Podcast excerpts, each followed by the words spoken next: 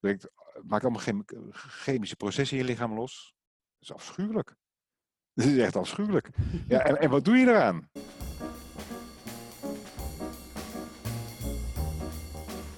Zo, daar zijn we weer. Eh, Steven Breiter en Mireille Vroef voor een tweede podcast. En we hebben eigenlijk zojuist een hele mooie Leadership Community Call coach sessie afgerond. En we dachten, laten we even napraten over ehm, eh, de coachvragen die langskwamen. Want die zijn natuurlijk ook voor andere mensen heel interessant. En zo ehm, werd onder andere de vraag gesteld. En ik ben er wel benieuwd eigenlijk naar, eh, naar jouw reactie, Steven, ook voor de rest. Ehm, uh, hoe ga je nou om op het moment dat je heftige emoties ervaart bij een ander en je voor jezelf merkt, ja, daar wil ik eigenlijk niet in meegaan, daar wil ik uitblijven. Ja, wat een gedoe is dat. Als je geconfronteerd wordt met iemand die uh, bijvoorbeeld heel boos gaat doen of super gefrustreerd gaat doen en, en, en dat gevoel richt op jou en je gaat beschuldigen. Uh, of, of nog erger, heel sarcastisch gaat worden. Dat, dat kan een heel naar gevoel geven. En dan heb je eigenlijk een aantal smaken hoe mensen daarop kunnen reageren. Sommige mensen die gaan zich dan zelf heel groot maken, dus die gaan terugblazen. en dat kan zijn door bijvoorbeeld terug te gaan beschuldigen of, of ook heel sarcastisch te reageren. Uh, anderen die uh, hebben een neiging om zich eigenlijk heel klein te maken. Die voelen zich ook letterlijk klein worden van binnen. Ehm, die gaan zich waarschijnlijk verdedigen. Of ja, checken uit. Die, die, die vallen een soort van dood van binnen. Het wordt, wordt, het wordt stil van binnen, weten niet meer wat ze moeten zeggen. En, en kunnen eigenlijk alleen maar staan en kijken. En alles, al, alle varianten die ik net noem zijn eigenlijk afschuwelijk. Het brengt, het brengt maakt allemaal chem chemische processen in je lichaam los. Dat is afschuwelijk. Dat is echt afschuwelijk. Ja, en, en wat doe je eraan? Ja, precies. Dat is de vraag. Hè? Wat doe je eraan? En um, nou, wat er bij mij in ieder geval gelijk boven komt, en ook boven kwam vanavond, is um, ja, een soort uitspraak, een soort mantra die ik toch al sinds wel een paar maanden steeds bij mezelf ook voorhoud. Hè? Dus dat emoties niet bedoeld zijn om primair op te reageren of acteren. En dat emoties eigenlijk vooral bedoeld zijn om als signaal te beschouwen dat er iets met jou aan de hand is wat onderzocht wil worden. Hmm. Ja, dat is, dat is prachtig. dat is echt prachtig. Ik zie, ja. is prachtig. En ik denk, ik denk ook, uh, weet je, als mensen natuurlijk al zo ver gevorderd zijn als wij, hè, dat, dat, dat, dat, dat, dat, dat tot de mogelijkheden gaat behoren. Maar jeetje, Mina, weet je, stel je toch eens voor dat je, dat je je partner helemaal uit zijn of haar panty gaat. Of dat je collega of je, je leidinggevende woest wordt. Of, of iemand gewoon op straat. Ja, dan, het overvalt je gewoon. Het is een soort golf die over je heen valt. En, en dan heb je dus iets te doen om jezelf te stabiliseren. En het klopt natuurlijk helemaal, want daar weet je, je kan geen onhandigere plek bedenken dan te gaan reageren vanuit dat gevoel wat je dan hebt.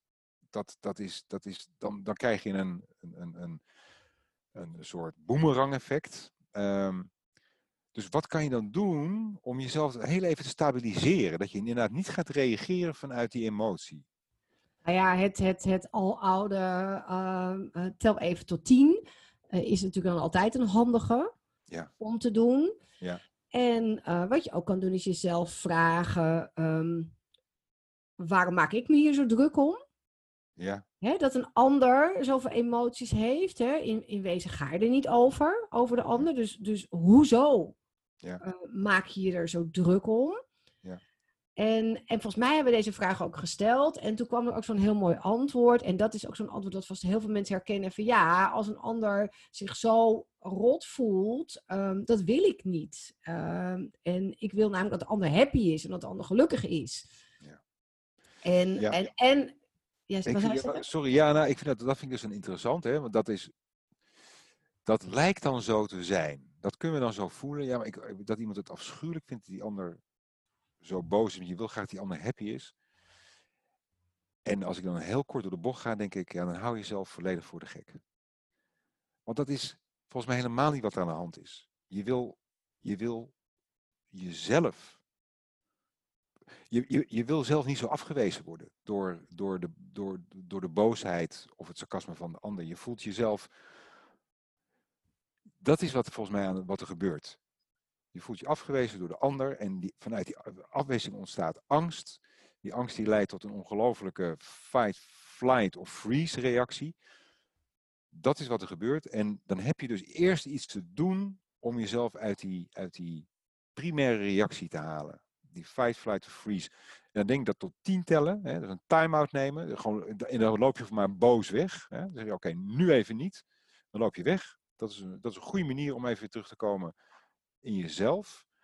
Dat je, uh, dat je gaat ademhalen weer. Weet je wel? Dat, je, dat die hoge ademhaling die er dan 100% is. En die bewustzijnsvernauwing, die, die tunnelvisie. Want je ziet het ook gewoon niet meer. Je hebt alleen nog maar, je ogen zijn helemaal ingelokt op die andere. Ademhaling naar je buik. Uh, kijk eens recht vooruit, maar kijk ook, ook wat je tegelijkertijd links en rechts van jezelf ziet. Dus tot tien tellen, ademhaling naar beneden. Eerst jezelf stabiliseren.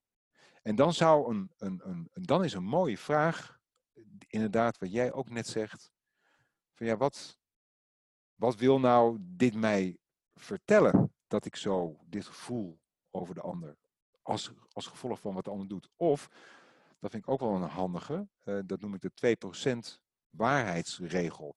Dat je zelf de vraag stelt, oké, stel dat er 2% waarheid zit in wat die ander mij nu naar mijn hoofd gooit. Als je dat tegen jezelf zegt, dan uh, er zit namelijk altijd iets in waar, waar, je wat mee kan.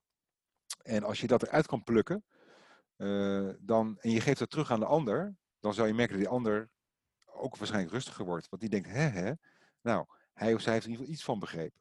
Ja. Ja. Ja, want wat je ook zo mooi zei, hè, van ja, en op het moment dat je dan alsnog het gesprek aangaat, hè, als je eenmaal onderzocht hebt, en, en ik vond dat, um, dat vanavond um, uh, de inbrenger ook echt heel mooi dat kon, kon beantwoorden hè, op de vraag van ja, wat, wat, welk deel hiervan gaat nou over mij? Mm -hmm.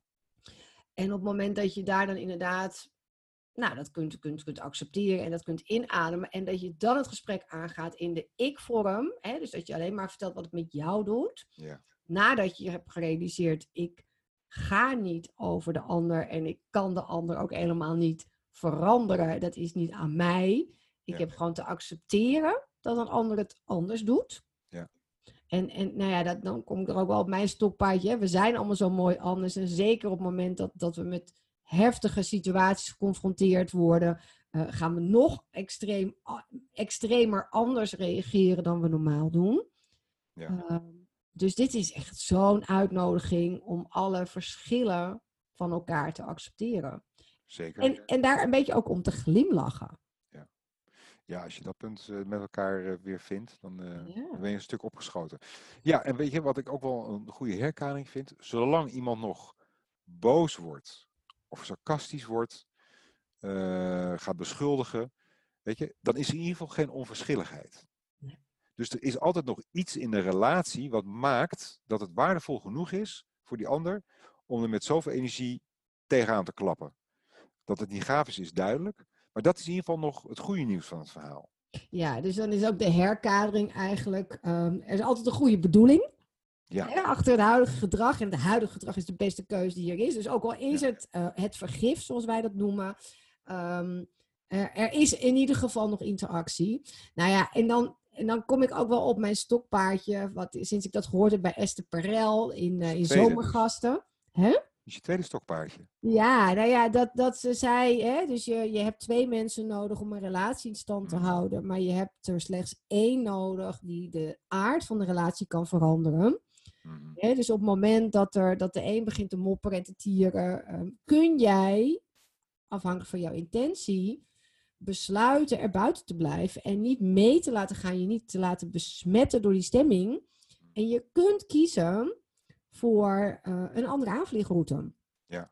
En je kunt daarmee bewerkstelligen dat de stemming omslaat en dat het niet escaleert en dat je nou, weer dichter bij elkaar komt. En ja, ik vind dat wel een mooie om uh, zo'n beetje mee af te sluiten. Maar misschien wil jij nog wat. Uh... toevoegen? Nou, ik, ja, ik wil daar één ding aan toevoegen, want ik denk dat dat een heel mooi uitgangspunt is wat je, wat je hier zegt. Hè. Dus de, je hebt twee mensen nodig om een patroon te creëren, maar eentje nodig om het patroon te doorbreken. En als je dat patroon doorbreekt, ik denk dat dan een, een mooie vraag is, als je zo de ander ontmoet in zijn boosheid of frustratie, uh, daar zit altijd een verlangen achter. Dus dat je jezelf de, vra de vraag stelt, welk onvervuld verlangen komt hier naar buiten? Of dat je de vraag gewoon aan de ander stelt. Ik zie dat je, zo, ik zie dat je boos bent of dat je gefrustreerd bent. Vertel eens, wat, welk verlangen heb je? Ja, wat heb je nodig? Wat heb je nodig? Ja. Mooi. Dan ontmoet je de ander waar die is op dat moment. Mooi. Hmm. Ik vind het een mooier. En uh, nou, ik, ik, ik, zeg laten we hem afsluiten. En dan doen we de volgende keer weer een mooi nieuw onderwerp. En het komt vast langs zoals het langs komt. Ja. Ik ben benieuwd wanneer we dan die andere mensen weer gaan ontmoeten in de volgende podcast. Dat was leuk weer. Heerlijk. Heerlijk. Tot de volgende keer.